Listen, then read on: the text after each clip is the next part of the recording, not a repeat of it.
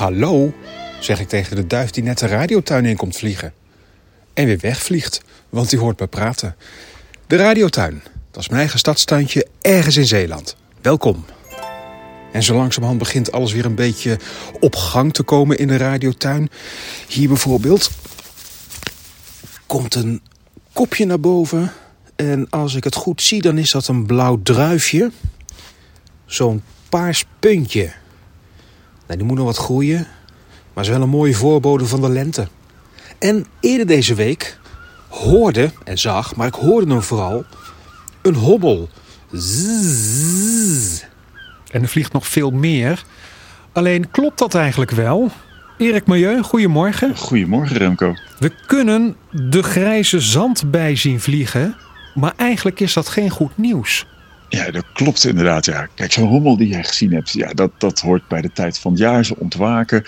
Maar die grijze zandbij, dat is een beetje een gek verhaal. Want uh, het mooie van grijze zandbijen is dat die hebben een één op één relatie met wilgen.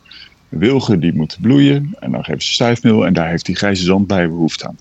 Maar als je er nu één ziet, dan zie je dat die wilgen helemaal niet aan het bloeien zijn. Hmm. Eigenlijk zijn ze een paar weken te vroeg.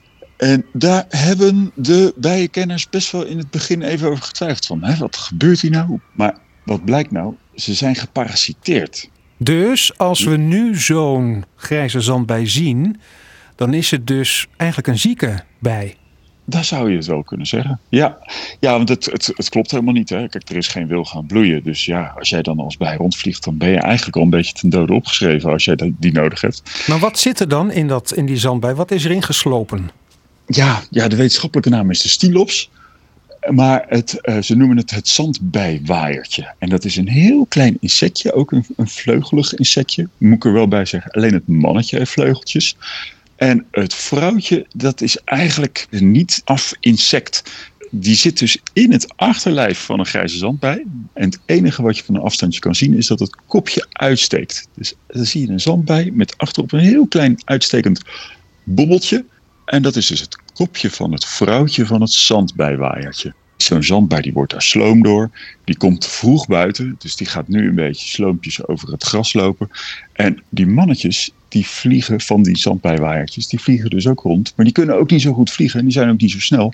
En dan is het heel handig dat zo'n zandbij daar een beetje sloom over het gras loopt en bijna stilstaat. Dan heb je het vrouwtje makkelijk gevonden. Waarom kruipt eigenlijk die parasiet in die grijze zandbij? Wat is het doel daarvan?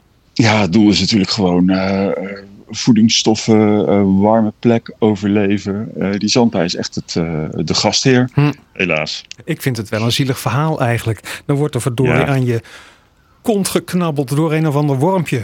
Die zitten gewoon in, in, je, in je kont. De grijze zandbij overkomt het allemaal. Zien we die nu, dan is het geen goed nieuws voor dat diertje. Zien we het over een paar weken, dan zoomt hij. En dat is een mooi geluid. hey, dankjewel Erik voor nu. Ik spreek jou volgende week weer. Een parasiet in een bij. Dat is niet echt fijn. Maar goed, het is de natuur. Dus praten we erover hier in de radiotuin. En kom vooral ook een keertje langs, virtueel. Ga naar radiotuin.nl. Tot volgende week.